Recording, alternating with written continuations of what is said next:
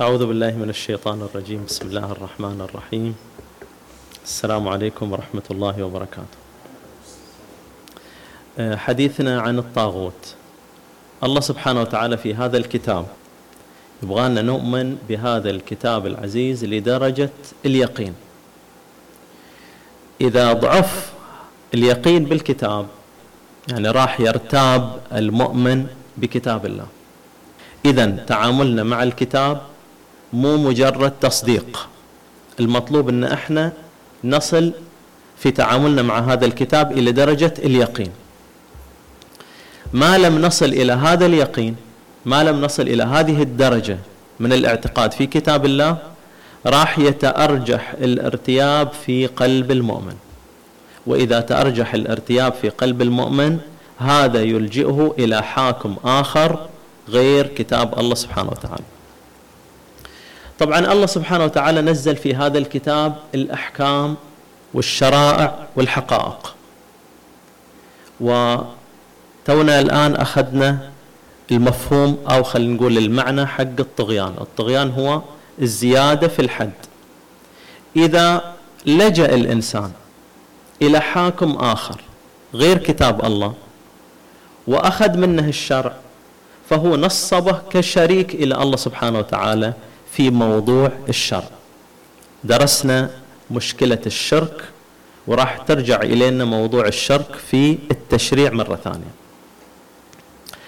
فإذا أخذ المؤمن هذه الشريعة من غير كتاب الله فقد أخذها من أحد نصب نفسه يحكم بغير ما أنزل الله. إذا أحد حكم بغير ما أنزل الله القرآن يسميه طاغوت. ليش القرآن يسميه طاغوت؟ لأنه وصل إلى درجة غير اعتيادية في العصيان بالنسبة إلى الله سبحانه وتعالى. عصى بالنسبة إلى الله بدرجة غير اعتيادية. لأنه نصب نفسه في قبال الله سبحانه وتعالى أنه حاكم ومشرع والتشريع والحكم لله فقط. راح نستعرض هذا الموضوع تحت ثلاثة عناوين إن شاء الله. وش هو مفهوم الطغيان في التشريع؟ هذا أولا.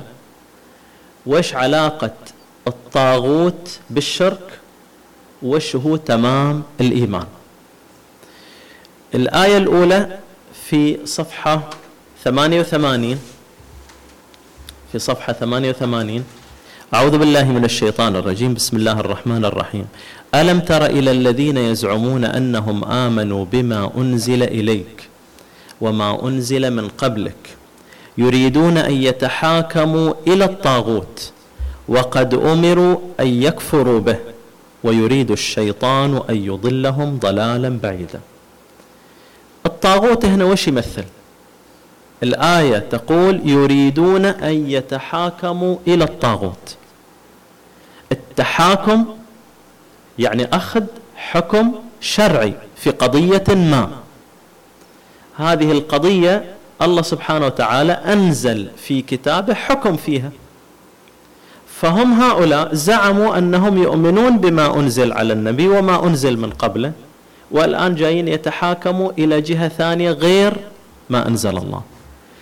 هذه الجهة الثانية اللي تحكم بغير ما أنزل الله هذه الجهة القرآن هنا يسميها طاغوت. إذا هذا الطاغوت وش عبر لي الآن؟ وش يمثل؟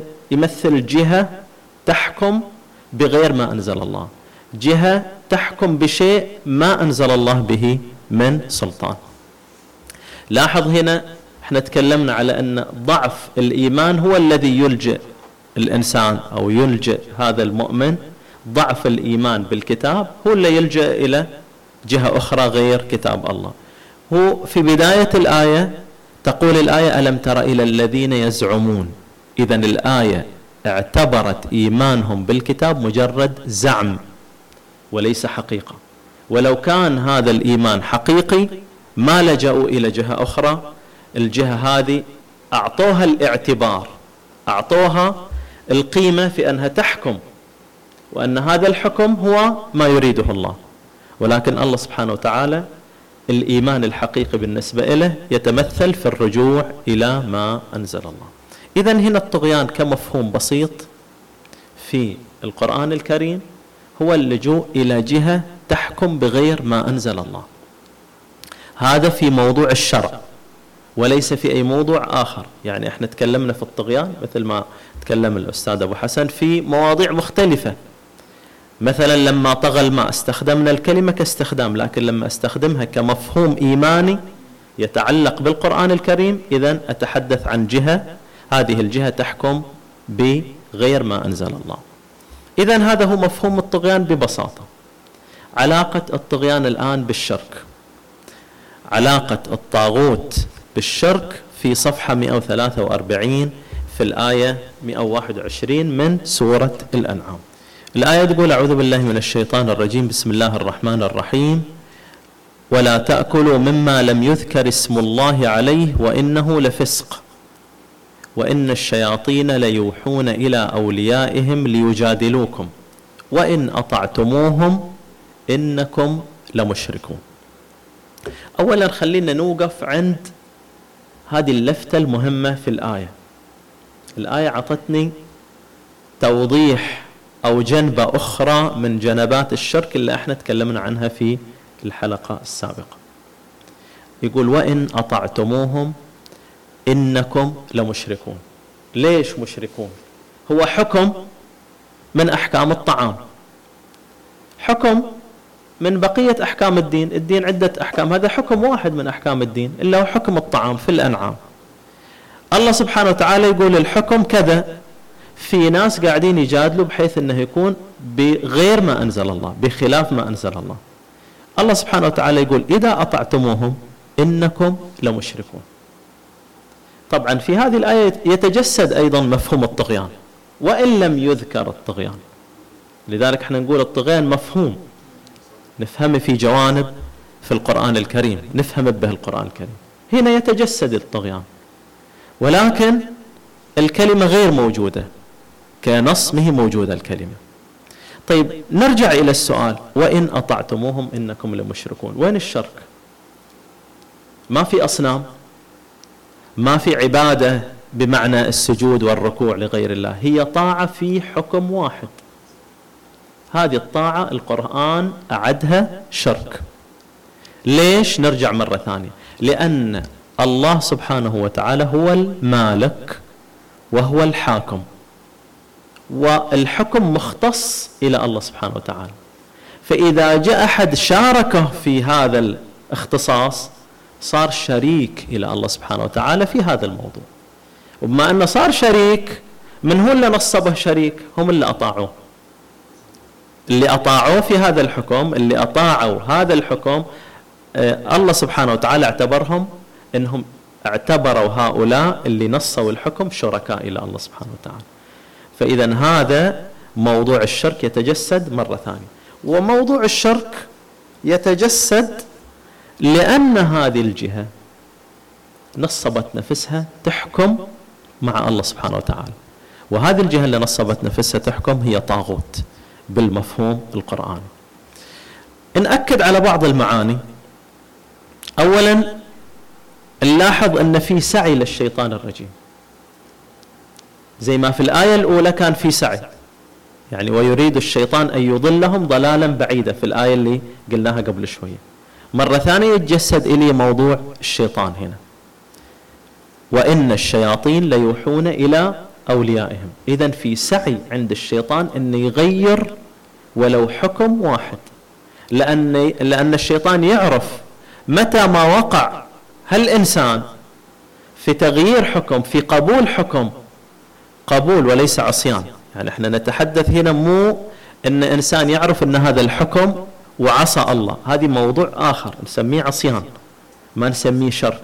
لكن إذا قبلنا بحكم آخر يعني أدخلنا في الدين حكم مو موجود أصلا. هنا القرآن يعتبره شرك. الشياطين يسعوا بجهدهم إنهم يغيروا ولو حكم واحد. لأن إذا أح إذا حرف الدين في جزئية من جزئياته أوقع الناس في الشرك ويعرف أن الشرك ظلم عظيم. والله سبحانه وتعالى قال إن الله لا إن الله آه، لا يغفر أن يشرك به. هذه هي المشكلة. فالشيطان يسعى. هذا أي هذا واحد. اثنين لاحظ أن الشيطان عنده أولياء. يتحرك بأولياء مو بوجهه المباشر مو بصورته المباشرة. عنده أولياء يتحركوا عشان يوقع الناس في الشرك. وهذه الأولياء هو اللي ممكن نفهمهم أنهم طواغيت. يتحركوا لأنهم قاعدين ينصبوا أنفسهم بتشريع ما لم ينزل به الله سبحانه وتعالى سلطان. أيضا في كلمة مهمة لازم نلاحظها. ليجادلوكم. والجدال معناته يستخدم قوانين عقلية عشان يقنعك ينمق الكلام عشان يقنعك وعشان يخرجك من حكم الله ويخرجك من هذا الكتاب إلى جهة ثانية. بويش؟ بالإقناع بالجدال لأن الجدال في تنميق في تزويق في قواعد عقلية ممكن تستخدم في أمثلة تضرب. يعني مو مجرد دعوة عادية لا فيها جدال والجدال في منظومة متكاملة عشان يحرف الإنسان من جهة إلى جهة أخرى. والله سبحانه وتعالى يقول وإن أطعتموهم إنكم لمشركون. وهذا طبعا الآية هذه تحمل المؤمن مسؤولية كاملة في أنه يجب أن يتعرف على أحكام الله من كتاب الله سبحانه وتعالى ويكون على بينة واضحة منها. نصل إلى العنوان الأخير في حلقتنا لهذا اليوم وهو تمام الإيمان. تمام الإيمان في صفحة 42 الآية 256 تمام الإيمان واضح في هذه الآية؟ أعوذ بالله من الشيطان الرجيم. بسم الله الرحمن الرحيم. لا إكراه في الدين قد تبين الرشد من الغي فمن يكفر بالطاغوت ويؤمن بالله فقد استمسك بالعروة الوثقى. لا انفصام لها والله سميع عليم. فمن يكفر بالطاغوت ويؤمن بالله. إذا تمام الإيمان بالله لا يتجسد فقط في الإيمان بالله. يجب أن يتم الكفر بالطاغوت ولا بد المؤمن بكل رشد بكل وعي ياخذ هذا الكتاب عشان يميز الطاغوت. بعد ما يميزه يكون إيمانه بالله إيمان تام. للآية طبعا دلالات كثيرة نكتفي بهذا المقدار. ونترك الدلالات هذه إلى حلقة الحوار إن شاء الله والحمد لله رب العالمين.